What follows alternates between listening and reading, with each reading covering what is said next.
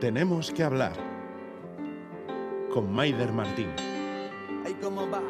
Dime, chaval, ¿cómo va? ¿A quién le ha tocado tu parte? ¿Quién será el primero en disparar? ¿Y quién controla? ¿Quién maneja la bola? ¿Cuánto durará el paseo? ¿Quién puede parar la zona?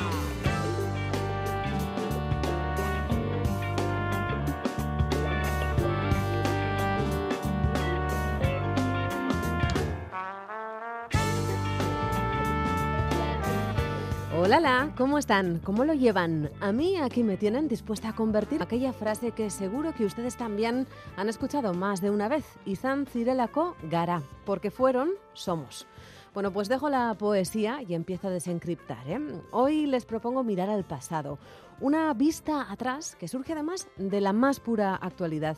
Estamos cada vez más cerca de que el horno alto de Sestao eh, uno de los pocos vestigios que quedan de Altos Hornos sea visitable. Lo han podido ver, escuchar y leer en los medios de comunicación. A finales de año se va a terminar de acondicionar la zona, ya les digo, del único horno alto que queda, con ascensor incluido. Este era uno de los grandes anhelos de mucha gente, de la Asociación de Patrimonio Industrial Vasco, también de muchos locales, de muchos extrabajadores de altos hornos. Así que en este punto, déjenme que llame a alguien. Hola, Javi, Javi Puertas, presidente de la Asociación de Patrimonio Industrial Vasco, ¿cómo estás? ¿Qué tal? Muy buenas. bueno, esta misma semana, ¿no? Tú has asistido, has estado en la presentación de esas ayudas que, que van a dar las instituciones al horno alto de ese estado para por fin hacerlo visitable. ¿Qué tenemos entre manos? Bueno, pues tenemos entre manos un proyecto muy interesante y muy ilusionante y que en este caso desde el punto de vista de la Asociación Vasca de Patrimonio Industrial que represento, pues puede suponer un antes y un después en lo que tiene que ver con la visibilización y la puesta en valor en este caso de este rico patrimonio industrial que tenemos tanto en Esquerraldea como como Meachaldea. Se trata de un proyecto mucho más global, en este caso comarcal, en el marco de las ayudas Verpistu eh, que ha impulsado el Gobierno vasco con el objetivo de revitalizar socioeconómicamente toda esta comarca y en, y en este caso identificando que la puesta en valor del patrimonio industrial también como recurso turístico puede generar eh, riqueza social y económica para la comarca, ¿no? Lo cual, de lo cual nosotros estamos convencidos y bueno, pues creemos que va a ser así. Y efectivamente, como bien apuntas, en el caso de Sestao, bueno, pues están ahora mismo desarrollando varios proyectos eh, encaminados a que Sestao se convierta en un nodo de turismo industrial que puede convertirse, bueno, en una referencia a nivel europeo, en este caso junto con los municipios vecinos de Baracaldo y de Portugalete y de Santurci, ¿no? Y en lo concreto, Javi, por ejemplo, un parque va a acompañar al horno alto que queda de Altos Hornos. Así es. el, el, planteamiento que se ha hecho desde estas ayudas es que en el caso concreto de Sestao se desarrollen varios proyectos en paralelo y totalmente integrados. Se, va, se está diseñando ya, de hecho, una ruta obrera que va a permitir poder visitar, en este caso, los elementos, las historias, los relatos vinculados con el pasado industrial del municipio de una manera interpretativa y, y ordenada. Y además, dentro de esta ruta va a haber tres hitos, tres puntos que van a ser muy importantes. Por un lado, eh, se va a hacer visitable una antigua vivienda obrera para poder explicar, en este caso, el fenómeno de la vivienda obrera, las condiciones de vida de las familias y de los obreros eh, durante el siglo finales del XIX y siglo XX. Luego también en el antiguo cuarto de socorro se va a habilitar un espacio de recepción de visitantes que además por su ubicación nos va a servir también para poder explicar la puerta de entrada de lo que era la calle Chavarri y Rivas a Sestao, muy cerquita también, en este caso del astillero de la Naval, y efectivamente el tercer proyecto importantísimo va a ser la puesta en valor del horno alto, en una ubicación además en una pastilla que se va a convertir en un parque público y que va a permitir en este caso, bueno, pues que cualquier persona, incluso dándose un paseo desde Santurchi por todo lo que es la dársena de la Benedicta, Portugalete, Puente mm. Colgante, Museo Rialia, pueda llegar hasta pie de horno, ¿no? Del horno alto. Y efectivamente también eh, un horno alto al que se va a poder acceder porque va a ser visitable, así es. ¿Cuánto tiempo esperando esto, Javi? ¿Cuánto tiempo esperando? Muchísimo. La verdad es que ha sido tortuoso. Eh, de hecho, bueno, pues eh, en, durante el año 2021 lamentablemente tuvimos que denunciar ante la chancha que había que hubo robos en este caso y expolio del horno alto y la verdad es que sí que desde la asociación ha sido una demanda continua. Nosotros hemos seguido trabajando en su difusión, organizando visitas guiadas, etcétera, y es verdad también que ya hace demasiados años, allá a partir del 2009, 2010 hubo algunas eh, restauraciones parciales del horno, pero efectivamente ya sí que parece que por fin, bueno, pues podemos decir que en un horizonte de, vamos a pensar en 2023, pues ya por fin eh, todo el mundo va a poder acceder al horno, va a poder conocer de primera mano lo importante que fue Altos Hornos de Vizcaya para, para entender lo que fue el desarrollo social y económico, no solo de Esquerraldea, sino de toda Euskadi. Y bueno, pues eh, eh, ya, ya estamos en ello, ¿no? Por meter el dedo en el ojo, que los periodistas tenemos que hacerlo. Hoy tenemos que hablar de patrimonio industrial, Javi. ¿Cuál es el gran reto pendiente a este respecto por parte de las instituciones? Pues yo diría que el gran reto fundamentalmente es que, como estás viendo en la conversación, siempre estamos pensando en esta puesta en valor de nuestro pasado industrial con un enfoque, en este caso, turístico y cultural. Pero, eh, como solemos decir, para que haya un buen producto turístico o un buen producto cultural, necesitamos buena materia prima, como en la gastronomía. Y, por tanto, necesitamos seguir entendiendo que es importante preservar estas huellas que nos han quedado en nuestro pasado industrial, eh, eh, preservando sus valores, respetándolos, ¿no? Y por supuestísimo dándoles nuevos usos, porque hay miles de ejemplos en todo el mundo que nos dicen que es perfectamente posible darles una segunda vida a todo este patrimonio. Como bien decías al principio, eh, para saber de dónde venimos, eh, para saber, perdón, a dónde vamos, tenemos que saber de dónde venimos, ¿no? Última pregunta, Javi. ¿Cuánto ha marcado Altos Hornos de Vizcaya y su industria accesoria la historia de este país? ¿Hubiera sido el mismo sin, sin esta fábrica? Eh, no sin ninguna duda, quiero decir, eh, no solo en lo que es la historia de Vizcaya en este caso, sino yo diría en la historia de Euskadi. En la historia de Vizcaya en particular es uno de los tridentes ¿no? de lo que fue la revolución industrial, en este caso junto con la extracción minera, la minería y la construcción naval. ¿no? Y sobre todo, pues e, en este caso, eh, Altos Hornos de Vizcaya supone un antes y un después, porque fue la siderurgia más importante de todo el sur de Europa y sin la cual, como bien decías, no no solo lo que es la cabecera de Sestao, la que teníamos en Baracaldo, Altos Hornos en sí mismo, sino toda la industria auxiliar que tenía alrededor y que tantos y tantos empleos y tanta riqueza generó para que luego, pues bueno, miles, en este caso de vizcaitarras, pues eh, pudiéramos eh, poder estudiar en la universidad con los sueldos de nuestros aitas y amas que trabajaban en esta industria, etcétera, ¿no? Por tanto, yo creo que eh, no solamente en este caso para Sestao y Baracaldo, sino para el conjunto de Vizcaya y el conjunto de Euskadi, Altos Hornos de Vizcaya marcó sin duda un antes y un después. Javi, Javi Puertas, presidente de la Asociación de Patrimonio Industrial Vasco. Ha sido un placer hablar contigo en Tenemos que hablar esta vez. El placer ha sido mío, es que ricasco. Pues por todo esto, toca hacer memoria. La factoría de Altos Hornos de Vizcaya, en Sestao, va incrementando su rendimiento con la instalación de una nueva acería. El nuevo horno es de patente austriaca y corresponde a un tipo modernísimo que se impone actualmente en el mundo por el ahorro de tiempo y materiales que proporciona, dentro de un mayor aprovechamiento del mineral y de la seguridad para los operarios encargados de manejarlo. Con su concurso, los Altos Hornos de Vizcaya aumentarán su producción de acero hasta alcanzar las 360.000 toneladas de lingote. Esta acería es la primera en su clase de España y en importancia la tercera de Europa. Y para echar la vista atrás vamos a tirar de memoria, pero de memoria viva, no añeja, de quienes conocen como la palma de su mano esta fábrica, a los que esta acería marcó la vida, personas como Miquel, antiguo trabajador de Altos Hornos, con recuerdos asociados a, ellos desde que apenas levantaban un palmo del suelo. Hemos quedado con él frente a la grúa Carola. Miquel es un tipo que se conserva muy bien, pasa de los 70 años y lleva toda la vida amando profundamente la historia industrial de este país. Quizá porque no ha conocido otra, quizá porque en ella lleva sumergido eso toda la vida. Habla desde dos sensaciones que parecen opuestas, pero que complementan su discurso. Con el tono de su voz desimporta prácticamente todo lo que dice, pero todo lo que dice tiene mucha miga y en esas estamos, charlando, ya les digo, frente a la Carola, cuando le doy al botón de grabación. Oye, Miquel, ¿te han dicho alguna vez que tienes voz de radio? Pues no, nunca me han dicho eso. La verdad es que no, no actúo mucho en la radio, así que Pues mira, ya lo siento. Primera vez que te lo dicen. Ahí va, tienes Oye, pues, mucha voz de radio. Me parece muy bien. Me parece- me- me da- esto me, da un subidón, ¿eh? O sea que no hay ningún problema. Bueno, y ahora que te has puesto, ahora que te has puesto colorado ya, dime tu nombre completo y tu edad. Bueno, mi nombre es Miguel Ángel Martínez Vitores, tengo 71 años. No y los bueno, aparentas. bueno, eso todo el mundo dice con los aparentas, pero a veces se, lleva- se llevan por dentro, ¿eh? No, no podemos escapar de los años. ¿Y toda la vida en Altos Hornos? Pues sí, toda la vida. Y bueno, mi padre trabajaba en Altos Hornos, fui al colegio de Altos Hornos de niño, luego a la escuela aprendices. eh, después de acabar la escuela aprendices, tres años de, de oficialía, bajé a trabajar el año 67 a un taller mecánico que había en, en Requeta, en Baracaldo.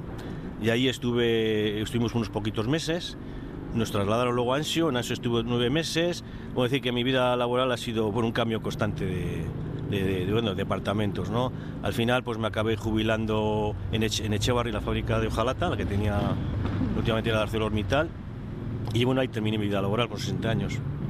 Esa ha sido toda mi trayectoria. Bueno, he pasado de todo. He hecho, estuve de- trabajando de, de tornero en el taller mecánico en Ansio, luego me metí en el control de calidad, bueno, he estado de oficinista y prácticamente luego toda mi vida ha sido de- de trabajar en la de administrativo. O sea que tus recuerdos en los Altos Hornos son anteriores incluso a trabajar. Claro, por supuesto. Ten en cuenta que yo vivía en un barrio como era la Cesarre y bueno, prácticamente estábamos en contacto con la fábrica, aunque era por Baracaldo. fuera. Baracaldo, por supuesto, sí. Sí, era una bueno, era nuestro siempre jugábamos en la Campa del Carmen y nuestra referencia era la fábrica. Nosotros veíamos cuando soplaba el Besemer, ese famoso los hornos de Baracaldo que alumbran todo Bilbao, ¿no? Pues La eh, colada le la llamábamos colada, aquí. Sí, sí, sí, bueno, pues ahí eh, lo veíamos, ¿no? Cuando soplaba el- el- los besemeres, sobre todo ya al atardecer, y bueno, era una, una vida en contacto con la fábrica, ¿no? Esos cielos rojos, ardientes, que recuerdan en Baracaldo y que no olvidamos tampoco los de Bilbao. ¿Y cuál es tu primer recuerdo? Decía yo, ¿no? Tú tienes que tener recuerdos asociados a Altos Hornos antes de entrar a trabajar en Altos Hornos. ¿Cuál es tu primer recuerdo? Pues me recuerdo cuando entró a la fábrica, yo entré con, bueno, a la fábrica con cinco años. Le acompaño a mi Por padre. primera vez, pero no a trabajar. Sí, no, a trabajar, no, no, por supuesto. Entro con cinco años porque mi padre, eh, cuando aquello se cobraba a la semana, ¿no? Se cobraban el jueves. Mi padre había estado de noche trabajando y me dice, oye, ¿quieres acompañarme a, cobrar a la fábrica y tal? Y bueno, pues vamos. Y el caso es que, bueno, arrancamos del barrio hasta la fábrica y, joder, todavía tengo aquel grabado, aquella escena, un montón de gente en la listería esperando a coger el, el famoso bote, porque era un- em, cobraban en un bote de tomate. por, por alrededor del bote tenía un sobre con una, una goma y ahí estaban los billetes. Y dentro de, ese, bote estaba la calderilla, ¿no? Y así cobraba todo el mundo. Ahí estaban los listeros, apuntaban, íbamos con un recibo. Y joder, el, re- el recuerdo que tengo, claro, yo siempre había visto la fábrica por fuera, no había estado nunca adentro. Y la impresión fue, fue, fue pues eso, enorme, ¿no? De ver todo aquello, máquinas, humo, ruido, o sea, bueno. Y me decían, "Pa, no te preocupes que esto es así, o sea, no te asustes, iba, iba, iba, iba, vamos, iba vendido, ¿no? Cuando aquello, muy vendido. Pero bueno, es el primer recuerdo que tengo. Ajá.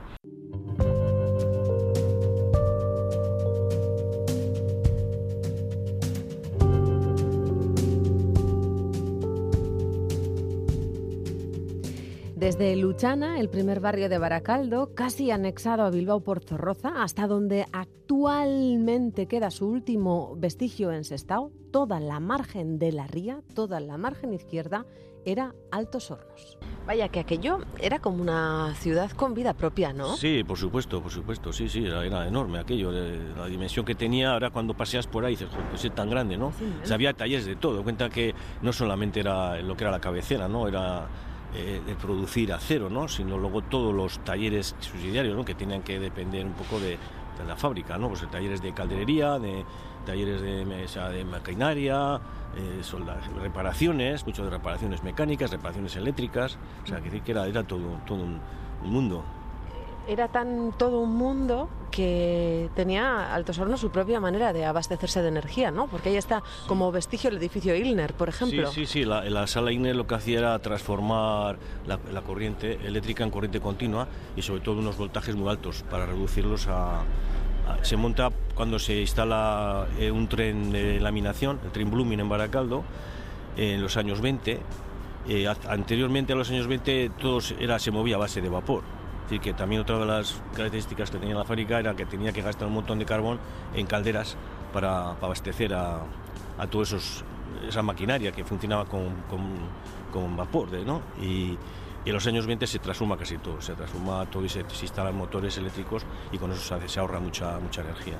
Pero Altos Hornos eh, tuvo problemas, en los problemas grandes en los años 40 y, y tiene que construir la central eléctrica de, de Zadorra. Ahí invirtió bastante dinero y de ahí se, se ha estado abasteciendo durante muchos años de electricidad. ¿Cuánta gente trabajaba en Pues Altos Hornos? Sí, eh, hay unas cifras eh, importantes. Eh, se habla, mm, yo he estado mirando la estadística, yo creo que el año 56 eh, me parece que éramos 16.000 personas. Había, claro, en- contando todas las, todas las, tenía un- una cantidad de, de empresas subsidiarias de, que, que eran, no era solamente Altos Hornos, pero prácticamente lo que era entre Baracaldo, Baracaldo y Sestao, pues igual serían de unas 12.000 personas, así más o menos. Luego había que contar, luego también la, la fábrica Sagunto, porque Sagunto se compra en los años 40, entonces a veces cuando se habla de la plantilla se habla de 17.000, se mete también la fábrica Sagunto, que, que fue Altos Hornos de Vizcaya también. Una plantilla, ahora que lo dices, eh, venida de cualquier punto de España, ¿no? Sí, por supuesto. eh, hay gente, había gente de todos los sitios, de, de gallegos. Mira, yo recuerdo que en, en tracción ferroviaria la mayoría de la gente que trabajaba eran gallegos. No sé por ¿Por qué. qué? Pues no lo sé, igual se iban colocando unos a otros, pero sí, había un número bastante, bastante grande de gallegos. ¿no? Había gente de Burgos, de Cantabria. Sobre todo la, primera inmigración que hay a la fábrica eh, son de las, provincias limítrofes. Hay muchos de la zona de Cantabria, zona de Álava, Burgos, eh, Navarra también. De Navarra vinieron el año 1899, una huelga que hubo muy importante, quizás la huelga más, más, más, grande que hay en, la historia de, lo que ha sido la siderurgia. Eh, tuvieron que traer navarros de la ribera para sustituir a los huelguistas. Aquello fue, una, fue espectacular. Y mucha gente eh, que hoy día pues, vive en ese estado y son descendientes de aquellos, de aquellos navarros que muchos se quedaron ya en la fábrica. ¿no? Pero sí, o sea que había una mezcla de todo, ¿no? de, de gente. Y luego estaban los casi locales que cruzaban de la otra margen, de Erandio. Eh, había aldeanos de la zona, tenían fama, los aldeanos de la zona de la Campa de Erandio, tenían fama de gente muy, con mucha corpulencia, porque para trabajar en los hornos altos, para ser cargador de un horno alto, se requería tener unas características especiales, sobre todo ser, construir mucho cuerpo, porque había que arrastrar una vagoneta que pesaba 750 kilos, tenía las ruedas muy finas, había que a- situarla en un ascensor, subir con la, con, la, con la carretilla hasta arriba el tragante del horno alto y darle volquete, o sea, es decir que la gente ganaba bien, pero decía que tenían fama los, los, pues los, los aldeanos de la Campa del Carmen, había gente con mucha corpulencia para hacer ese tipo de trabajo, es decir que no era fácil, algunas tareas eran muy complicadas. Miquel tiene prácticamente una anécdota para cada pregunta que le hago. Vivió la informatización de la fábrica, una de sus grandes reconversiones, y con ella vivió también la desaparición de muchos puestos de trabajo. Corrían los años 80, pero los años duros comenzaron antes, donde no le gusta pararse demasiado. En las huelgas, en la marcha del hierro, tampoco le gusta pararse en la última colada que también vivió. Fue el año 1969, tuvimos un mes de huelga prácticamente, ¿eh? un mes. Y bueno, además en aquella época pues mucha represión, pero la, solidaridad de la gente fue, fue recuerdo cuando eh, estábamos en Ansio, nos vino a sacar la policía de la fábrica, detuvieron a unos cuantos y fue duro. Luego despidos, ¿no? Hubo 33 despidos y bueno, con el tiempo luego pudieron volver otra vez a la fábrica, algunos ya se habían colocado en otro lado. Pero aquella fue una huelga muy dura para, para la clase trabajadora, pero con mucha, con mucha fuerza. ¿eh? Fue el precedente de lo que venía, entiendo. Sí, luego ya las siguientes huelgas ya fueron más, aquello, la reivindicación era más prácticamente económica, salarial, teníamos unos sueldos muy bajos. Sí es verdad que aunque pareció que entramos y no habíamos ganado nada, al de unos meses se notó, notó la subida de sueldo. ¿no? Luego ya los años de la transición política, pues fue más tema político, fue luchar por, por los derechos democráticos, ¿no? como hizo mucha gente, y desde las fábricas pues fuimos los que pusimos mucho por nuestra parte, sí. Ujú. Y ahí pues la huelga de 76, 77, 78, luego ya a partir de los años 80 ya disminuyó la conflictividad. O sea, eh, había mucha negociación, o sea, decir que fue importante la labor del comité de empresas, es decir que los sindicatos eh, estaban más por, por eso, por la negociación, ¿no? Y llegar a acuerdos, ¿no? Antes de, entrar en un conflicto. Además, eh, ya cuando empezó la reconversión había que tratar de, de salvar la fábrica y que siguiera para adelante, ¿no? Eso fue lo que hicimos. Cuando ya se oye que se cierra la fábrica, pues estuvimos unos cuantos días de, paro a ver si se solucionaba, pero ya vimos que no. Se hizo la marcha de hierro también, que fue importante, ¿no? Eh, una lucha reivindicativa porque se mantuviera la fábrica, pero ya veíamos que la cosa no, no iba, no iba y bueno, pues tristemente se cierra, ¿no? Así hasta que en 1995 se apagan los altos hornos. Cuando cierra su trabajo, se sigue centrando en esta acería, sigue el mismo rumbo, la misma estela Miquel, pero ahora decide trabajar para que no se pierda el patrimonio industrial. La lucha con las instituciones fue y es dura, siempre a contraviento no se ha conservado todo lo que él quisiera de, su fábrica de altos hornos, ni de lejos, y el poco patrimonio que queda tampoco se ha conservado como a él le hubiera gustado conservado muy mal, muy mal. Hemos estado, hemos sido machacones, hemos estado dando mucha guerra, hemos estado tratando de convencer a todo el mundo que, había que preservar ese, pasado industrial, que, tenía que haber algo, ¿no? Parece que se ha aprobado ya ascensor al horno alto parece que cada vez está más cerca, ¿no? Sí, sí, sí. Su viabilidad, su visitabilidad. Sí, sí, yo creo que ahí el Ayuntamiento de Estado ha hecho un gran esfuerzo y, bueno, ya con ese, ascensor pues que se va a poder acceder directamente, se va a condicionar, no se va a condicionar la zona de alrededor. Normalmente pues solemos hacer visitas y... Por cierto, ¿y tú como trabajador? Eh, si has ido a las visitas como guía o has asistido a ellas, ¿qué siente uno? Porque claro, para ti es, esto tiene que ser un plus, ¿no? El horno alto. Me, me, gusta que la gente vaya y la gente que va a esas, visitas va, con interés, con ganas de conocer, ¿no? Y explicarles un poco cómo, cómo era el proceso, ¿no? Porque eh, han pasado 25 años o 26 años que se cierra la fábrica. Muchos lo que, lo que ese estado, gente joven no lo ha conocido. Así que el horno alto es un referente en ese estado, es decir, que ya es un icono, ¿no? y bueno, ojalá siga así por mucho tiempo y que y que sea un referente para toda la gente que quiera ir a verlo. ¿no? Eso sí, es potenciar lo que llamamos el turismo industrial. Si como nosotros vamos a hacer turismo industrial a Europa, pues mucha gente vendrá a hacer turismo industrial aquí. Eso es lo que hay, lo que, hay que potenciar, sin duda además.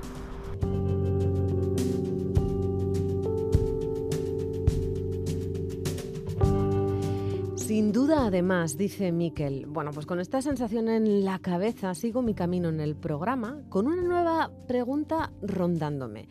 Quiero saber si hemos generado, construido suficiente relato en torno a la industrialización en Euskadi como para respetar su memoria y potenciar el turismo industrial en este país. Se lo voy a preguntar a Aloña Incharraundieta. Ella es historiadora, nació en una de las zonas más industriales de Guipúzcoa, en Lezo, muy cerca de, de Pasaya, y hace casi década y media, algo más incluso, llegó a otra en Vizcaya, a Baracaldo, a trabajar en el Centro de Investigación del Regato. Hola, Aloña.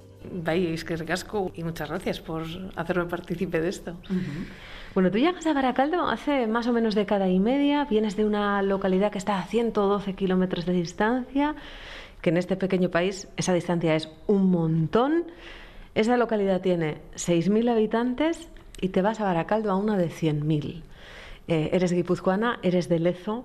Las diferencias son notables, pero las similitudes principalmente una, ¿no? Su pasado, un pasado netamente industrial en Baracaldo y en Lezo.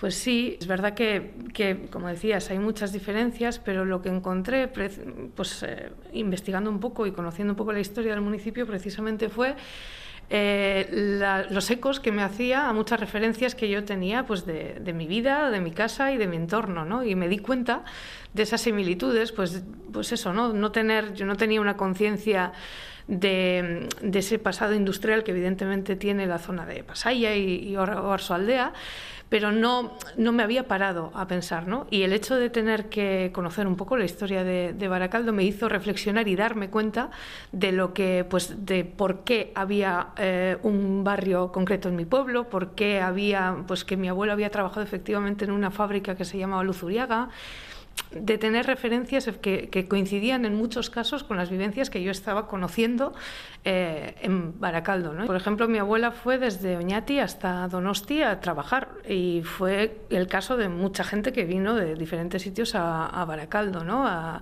trabajar en la industria. Mi abuela estuvo trabajando pues, eh, de cocinera, bueno, hizo de todo y, como mucha de esa gente ¿no? que, que, llegaba pues, de otros sitios, no desde Oñati, que también, pero pero bueno, pues esa necesidad de, buscarte ¿no? un poco eh, la vida y, de, pues ya te digo, símiles de, tipos de arquitectura, por ejemplo, que hay en el entorno, pues en Rentería, que está muy cerca, o tipos de edificios que de repente encontraba como, eh, o, era más consciente del momento en el que se crearon y de por qué se crearon, ¿no? y que, también encontraba en Baracaldo, como en otros muchos municipios de, de toda Euskal Herria, claro.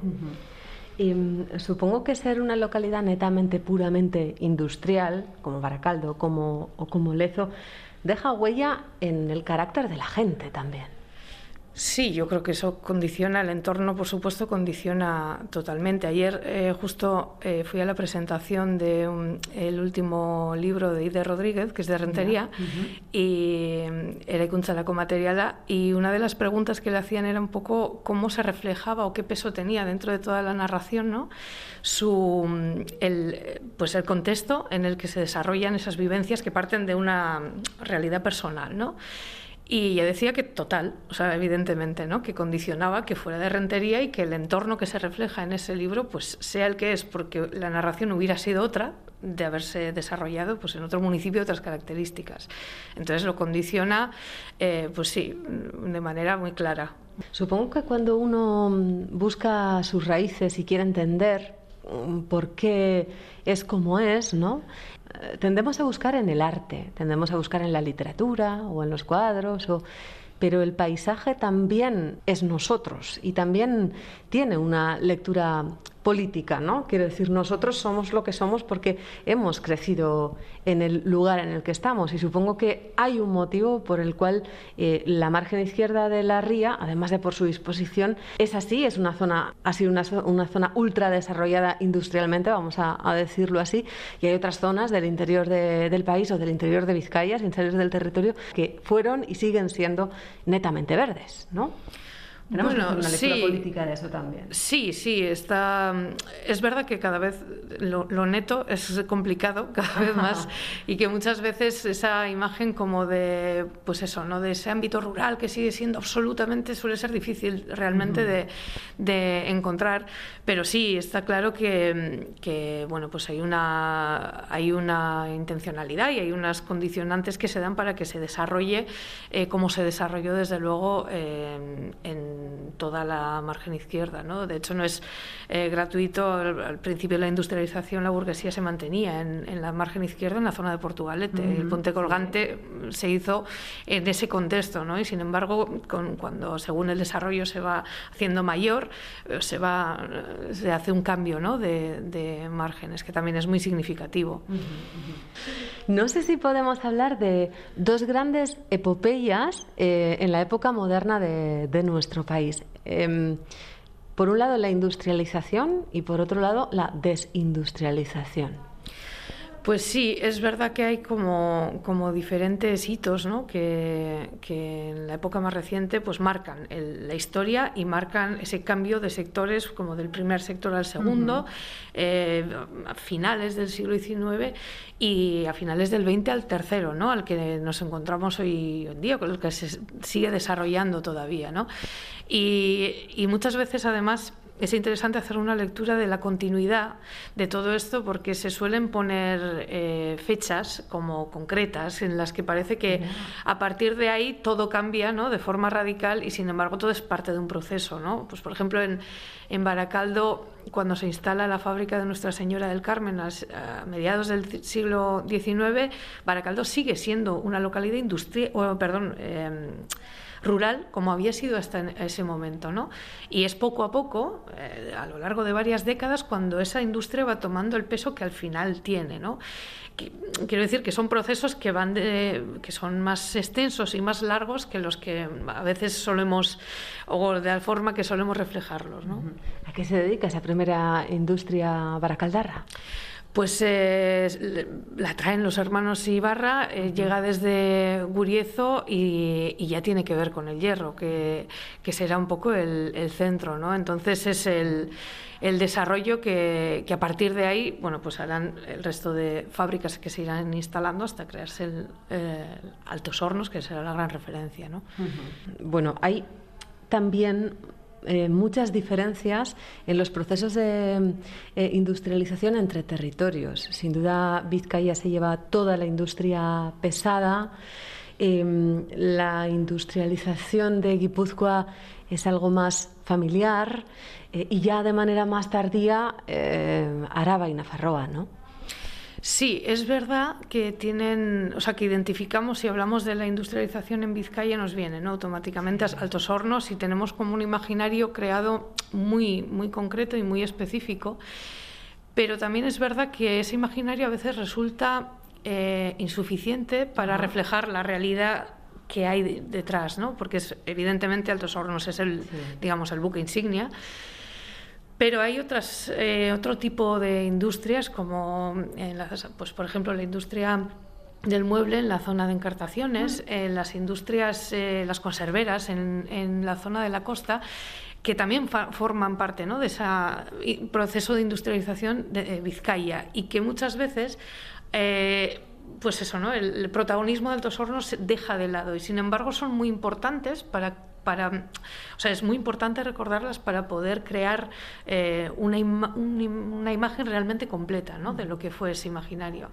Y en el caso de, de Guipúzcoa también eh, pues eso, la, diversidad que hay dentro de las. Es verdad que son mucho más pequeñas, no hay un referente como tan grande ¿no? como, como Altos Hornos, pero es verdad también que la forma de organización, por ejemplo, de unas fábricas a otras va variando mucho y eso también condiciona eh, ese paisaje, ¿no? que no se puede. Em, eso, que a veces esas lecturas que tenemos como ya preconcebidas hacen que que nos olvidemos de, algunos aspectos que sin embargo fueron muy, muy relevantes. Me he referido yo, eh, he hablado del paisaje vinculándolo a la industria y sin duda la industria ha traído cambios radicales en el paisaje, pero con la industria también ha cambiado nuestra moral, nuestros valores, nuestra cultura. La industria lo ha cambiado todo y a veces tampoco reparamos en eso, ¿no? Totalmente, es un cambio absoluto, ¿no? Porque la, diferencia o, o el eh, los cambios que se dan a raíz de ese proceso, de esa implantación de las fábricas,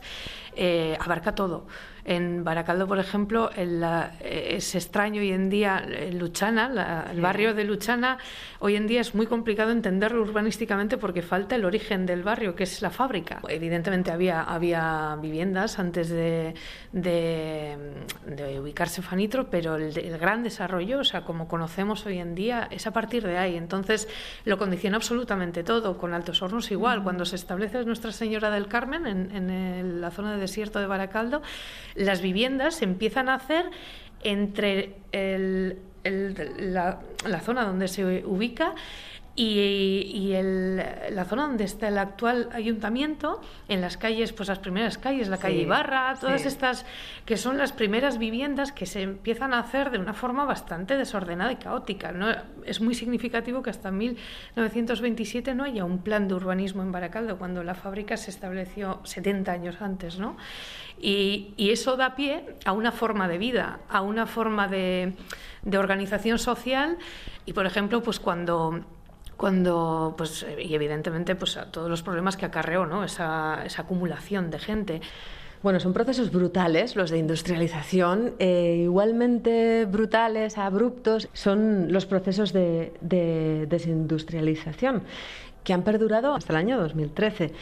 Parece que hemos borrado también del mapa mucha de nuestra historia, ¿no? Con el achatarramiento de algunas de nuestras fábricas. Bueno, son muchas las cosas que hay que valorar. Desde luego es evidente que el efecto Guggenheim, con el que se decidió hacer esta transformación, pues es un referente a nivel mundial. También es verdad que los condicionantes que aquí había, que eran muy concretos y muy específicos, hicieron que aquello saliera adelante, cosa que en otros espacios pues se ha intentado hacer la réplica y no ha funcionado de la forma que se esperaba, ¿no? Y también es verdad que eso ha traído pues eh, consecuencias eh, de todo tipo. si se comparan fotografías de la ría de los años 80 con las de hoy en día, pues la diferencia es evidente, pero también es verdad que muchos de los espacios que en algunos casos se planteaban, se planteaban reutilizables para otras funciones, pues han desaparecido ¿no? y no dejaban de ser un testimonio de, todo este proceso de industrialización. Yo no sé si, eh, viéndolo con perspectiva, con el paso del tiempo, desde este 2022 recién estrenado, si hemos denostado un poco nuestro pasado gris, ¿no? Pasando de página tan rápido. Creo que también es una reflexión como muy interesante que tiene muchas aristas, porque volviendo a Sefanitro, que, que dio mucho juego encima, hicimos una exposición eh, pequeñita en el 2011, antes de su desaparición, y, una de las cosas que queríamos era un poco eh, recibir el, la, la, opinión, las vivencias que tenían eh, pues, los habitantes y las habitantes del barrio de Luchana, ¿no? que vivían con esa fábrica. nosotras intentamos poner muy en valor el valor arquitectónico que tenía eh, la fábrica como, como eh, estructura, porque era muy relevante a nivel europeo.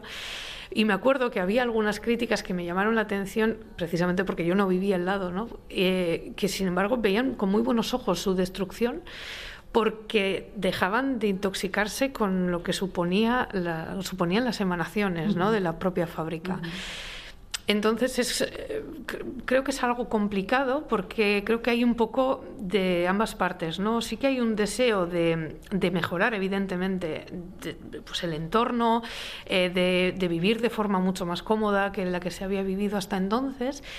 Eh, y en ese sentido se agradecen en algunos casos estos cambios, pero también es verdad, y eso lo he podido comprobar, vamos, trabajando de primera mano para Caldo, el orgullo que hay de pertenencia a a esta, ¿no? a esta realidad, a, a este, este proceso que es como tan, tan, bueno, pues evidentemente relevante y, y, esa, y esa, ese querer mantener o poner en valor lo que ha supuesto, ¿no? Están, creo que conviven y, además es como, ¿no? Como, o sea, es algo como muy natural que, que, tener esas dos variables. ¿Estamos sabiendo cuidar eh, lo que tenemos o también en esto vamos un poco tarde?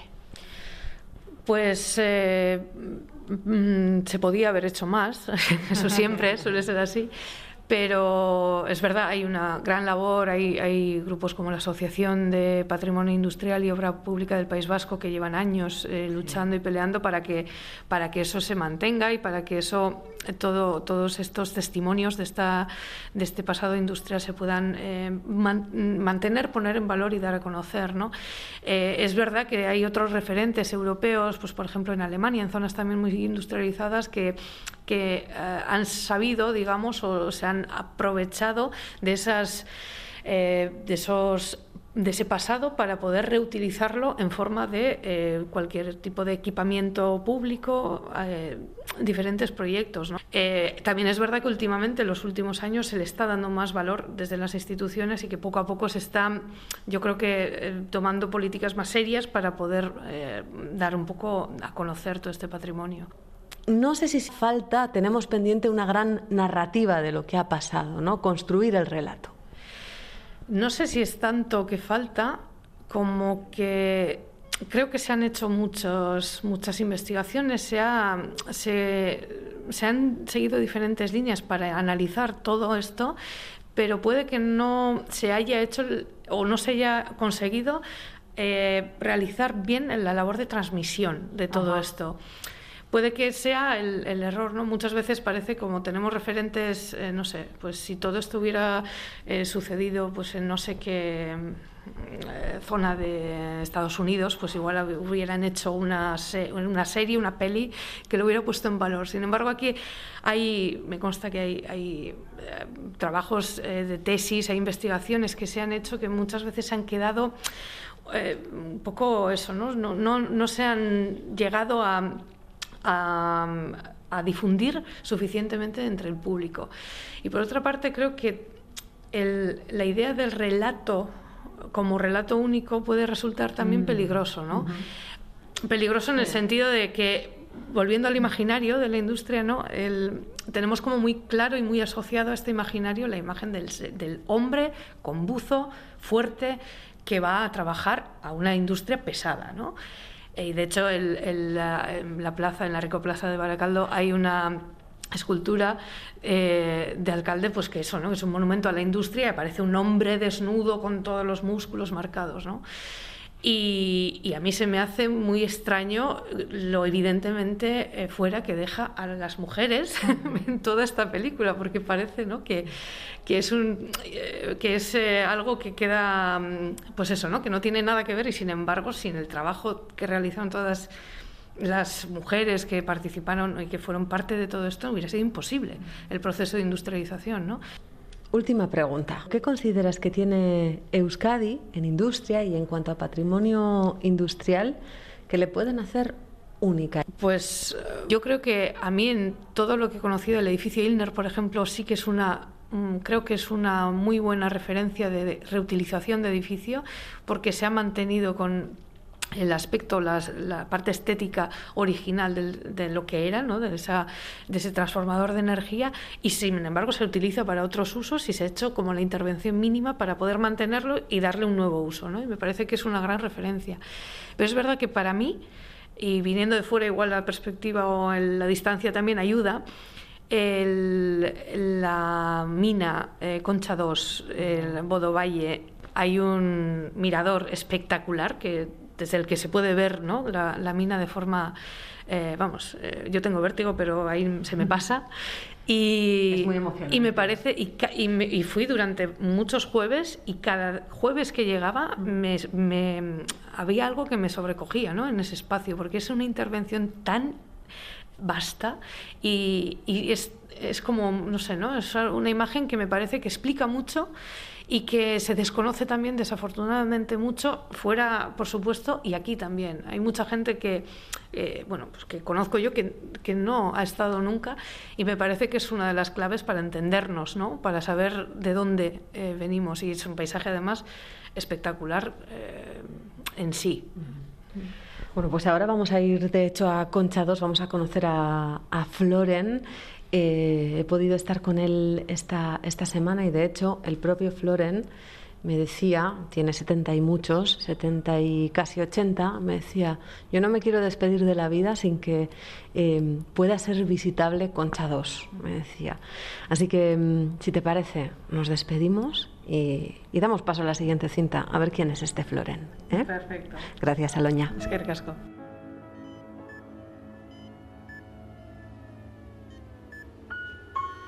Pues allá vamos a encontrarnos con Floren, de 76 años, minero desde los 14. Hemos quedado con él frente al gran agujero que se comió la gallarta de los inicios. Estamos frente a la mina Concha 2, en el Museo de la Minería que él, junto con otros compañeros, ha impulsado. Nos recibe en la sala de Pasionaria, Dolores Ibarri. Las paredes son rojas, claro, y los libros de Lenin se encuentran con las fotografías de Ibarruri y su no pasarán. El sol frío de invierno entra fuerte por la ventana. Florent y yo estamos a gusto. En el centro de la estancia hay una mesa muy larga de reuniones con pinta de haber vivido lo suyo. A su alrededor un montón de sillas y casi antes de dar al rec de mi grabadora, Floren me cuenta el misterio que ocultan. Las sillas son, proceden de la mina, son restos de mina y la mesa es de Altos Hornos. ¿De qué mina vienen? De Agrumisa básicamente y de Orconera. O sea, al principio son de Orconera se junta con Franco Belga, hacen Agrumisa y quedan en Agrumisa y luego antes de tirarlas el museo las recoge. Qué casualidad, ¿eh? Todos aquí juntos, Altos Hornos y, la mina. van unidos. o sea, no se, no se puede entender Altos Hornos sin la influencia de la minería. ¿eh? La historia de Floren se parece a la de muchos trabajadores, pero también es radicalmente distinta a la de otros mineros, aunque empieza como la de la mayoría, llegando desde otras tierras. Yo nací en Ciudad Real y lo que pasa es que mis padres, mis padres vinieron aquí al País Vasco pues cuando yo tenía cinco o seis años. Tengo siete hermanos, ¿eh? O somos siete hermanos. Somos siete hermanos y entonces yo soy el mayor. Entonces, lógicamente, con 14 años, en cuando, pues mi padre tenía necesidad de, de que trabajaría, porque mi padre era viero en, en la vía de Franco-Belga, en la mina, era viero, entonces económicamente pues no era de lo más eh, pagado. ¿Qué es ser viero? Viero es el señor que en la vía va calzando las traviesas. Ahora ya las traviesas de las vías modernas son de hormigón, con amortiguación y tal, pero antes y todavía quedan vías con las traviesas y para calzarlas y para nivelar las vías y todo, eso es el viero. Todo el día al aire libre y todo el día cavando se dice, sí, no sé, sí, más o menos, cavando agachado. Sí, todo el día agachado y calzando ahí, ¿no? Y claro, y ahora tenemos trajes de agua, botas, no sé, cuántas cosas más. Entonces no había nada. Entonces cuando hacía sol, pues había algunos que se desmedio, quitaban la camisa y todo, y cuando llovía, el saco, un saco da vuelta en la cabeza. Es lo que había en aquellos tiempos. ¿Dónde se afinca tu familia cuando llegáis de Ciudad No, en Ortoya, en Ortoya. Se afinca en Ortoya. Mi, padre, mi padre era de, de, Cantabria, de San Miguel de Arras. Y mi madre era de Extremadura. Entonces hay una mezcla. Mi padre con el tema de las vacas se fue a Ciudad Real, pero bueno, en un momento se lo plantea. Yo creo que por, por los hijos que éramos. ¿eh? El futuro no veía y se vino aquí. Y nos, no, en Ortoya, y vivimos en Ortoya todavía. Yo vivo en Ortoya. ¿eh? Eh, entonces eh, cumples 14 años, hay que aportar a la familia, sois mm. siete hermanos y entras como pinche haciendo qué, dónde. Pues yo entré al taller y en el taller lo que hacíamos es atender a todos, pero bueno, a ver, era un taller un poco de reparaciones y cosas, se trabajaban 10 horas al día, se llamaba el cuarto, era obligatorio, y se trabajaba de lunes a sábado, ¿eh? o sea, no se trabajaba como ahora, no, los sábados 8, pero los demás días 10 Entonces yo en el taller vas aprendiendo algo, pero a la vez que vas aprendiendo algo, vas a por el barril de agua, barres el taller, vas a por el tabaco de, un compañero y estás ayudando a quien haga falta. ¿Dónde estaba ese taller? Esa parte es la parte en, en Ortuella que le llamaban Cadegal. Es eh, lo que es el polígono de Granada ahora. Ahí estaban los hornos de calcinación de Franco-Belga, estaban el taller de mantenimiento, estaba la estación de carga de todo el mineral que bajaba a Baracaldo y de alguna forma era un poco, a ver, era un poco como un centro de, de tratamiento y distribución del mineral de Franco-Belga. O sea, tú producías en, en, las minas arriba, en Cadegal o en Gallarta y tal, lo llevabas a Ortuella, o a Cadegal, lo, lo tratabas, lo tratabas el mineral ahí y de ahí ya lo, lo mandabas, básicamente para, para embarcar y básicamente era para embarcar. En aquellos tiempos era embarcar todo. Se embarcaba, antes de esas fechas se embarcaba algo para el extranjero, para Holanda y tal y cual, y luego a última hora ya para esas fechas se empezó a mandar lo que te he dicho antes a, Ensidesa. A Ensidesa. Es decir, Asturias. Asturias, sí, sí, Asturias. Sí. ¿Y por qué se mandaba a Asturias? Porque ya el mineral no tenía la riqueza que tenía antes, no tenía la riqueza Justo esto, la pérdida de calidad del mineral, fue la chispa que hizo que Floren se pusiera a estudiar, para no bajar a la mina, por un lado, y para ser parte de la reconversión minera, para poder trabajar en el ferrocarril que enviaba el mineral de Gallarta, Abanto y Ciervena a Altos Hornos en Sestao. ¿Y después qué? ¿A dónde te llevó la minería? Bueno, la minería a mí me llevó en un principio a ver que, que no tienes futuro en cuanto no tienes futuro en cuanto a, estar toda la vida de pinche, de aprendiz. Yo me voy a la escuela y después hizo, hice minas, perito, ingeniero técnico de minas. Yo en el 60 cuando entré eh, transportábamos el mineral en máquinas de vapor hasta Baracaldo, lo que es hoy en día me parece que el paseo de la Pase Paseo de la Pasionera en Baracaldo, es por donde pasaba la vía. Sí, sí, además se ve perfectamente que aquello era una vía. Sí, es por donde pasaba la vía. Bueno, pues, Dolores y Barruri. Dolores, y Barruri, Pues entonces por ahí bajaba la vía de Franco Belga y bajaba en, bajaba con una máquina de vapor, una máquina de vapor de final del siglo XIX, de 1890 y tantos, así. Eso en los 60. En los 60, sí, sí, sí. Es que en ese periodo, desde 1890, 1890 y tantos, hasta 1960, técnicamente no hay ningún cambio. Pues a partir de 60 hay una revolución industrial y hay una revolución técnica que origina que de la máquina de vapor pasemos a la máquina de gasoil. De la máquina de gasoil pasemos al transporte por camiones. Y del transporte por camiones a última hora ya con cinta transportadora. Todo eso origina una revolución que en treinta y tantos años transforma totalmente la mina. Hay gente que lo ve o no lo ve, eso ya no lo sé. Yo entiendo que, que tienes que evolucionar y es lo que me mueve a, pues eso, a estudiarme, a preocuparme.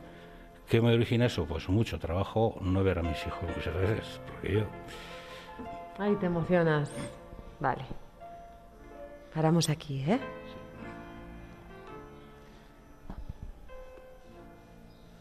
No creí que me No. No. Ay, amigo.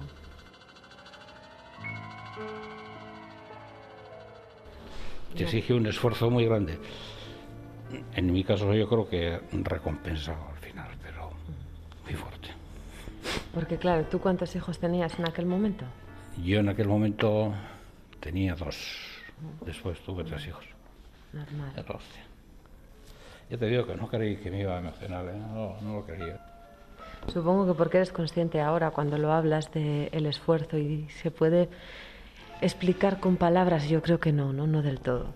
Pues no lo sé, no lo sé. Yo lo que sí luego tengo conciencia es de que mm, la historia mm, de la generación mía, no mía, o sea, la generación mía, ha sido el asistir a el asistir al cierre de las minas, de las minas. La última mina en Vizcaya cerró en 1993. Para Floren es difícil hablar de eso cuando le debes tanto y le has dado tanto a un pedazo de tierra. Por eso eh, ha sido uno de los impulsores del Museo de la Minería en el que nos encontramos, para poner en valor el pasado que también es su vida. Y por eso ni él ni el resto de mineros que están volcados en este proyecto dejan de insistir en un anhelo. Hay que hacer visitables las minas. Lo dice una y otra vez durante la conversación. Pero insisto, ¿eh? yo insisto, yo mm, lo siento como muy fuerte que se tiene que conseguir que se haga visitable la mina de, de Agurminsa, tanto exterior como exterior, interior. ¿Qué siente uno cuando, eh, si nosotros nos pusiéramos así, ¿no? de frente a esta, a esta mm, eh, pared roja de la sala pasionaria y no existiera, lo que veríamos sería el gran agujero Mm. de la mina a cielo abierto que hizo mover Gallarta. ¿Y qué siente uno cuando la ve?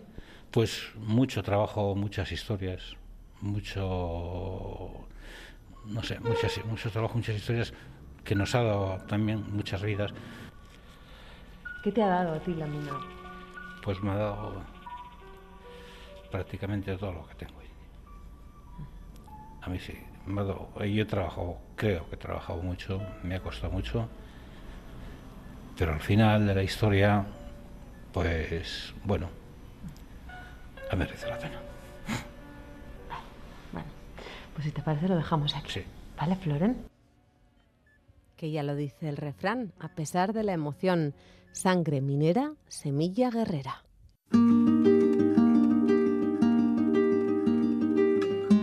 Bueno, pues hasta aquí este regalo, esta foto al pasado tejida con palabras para entender quiénes somos. Es que ricasco a todos los que habéis participado en el programa, que es Recuerdo Vivo a través del patrimonio industrial. Gracias a Javi Puertas, presidente de APIOP, pura pasión patrimonialista. A Aloña Inchaurrandieta, historiadora, que no se esperaba nuestra llamada. Pero sobre todo, gracias a Miquel Vítores y a Floren Martínez por hacer memoria con nosotras a pesar de la emoción. Seguimos, ondo ibili. Zerbait, horariara ospatzen. Iñakin.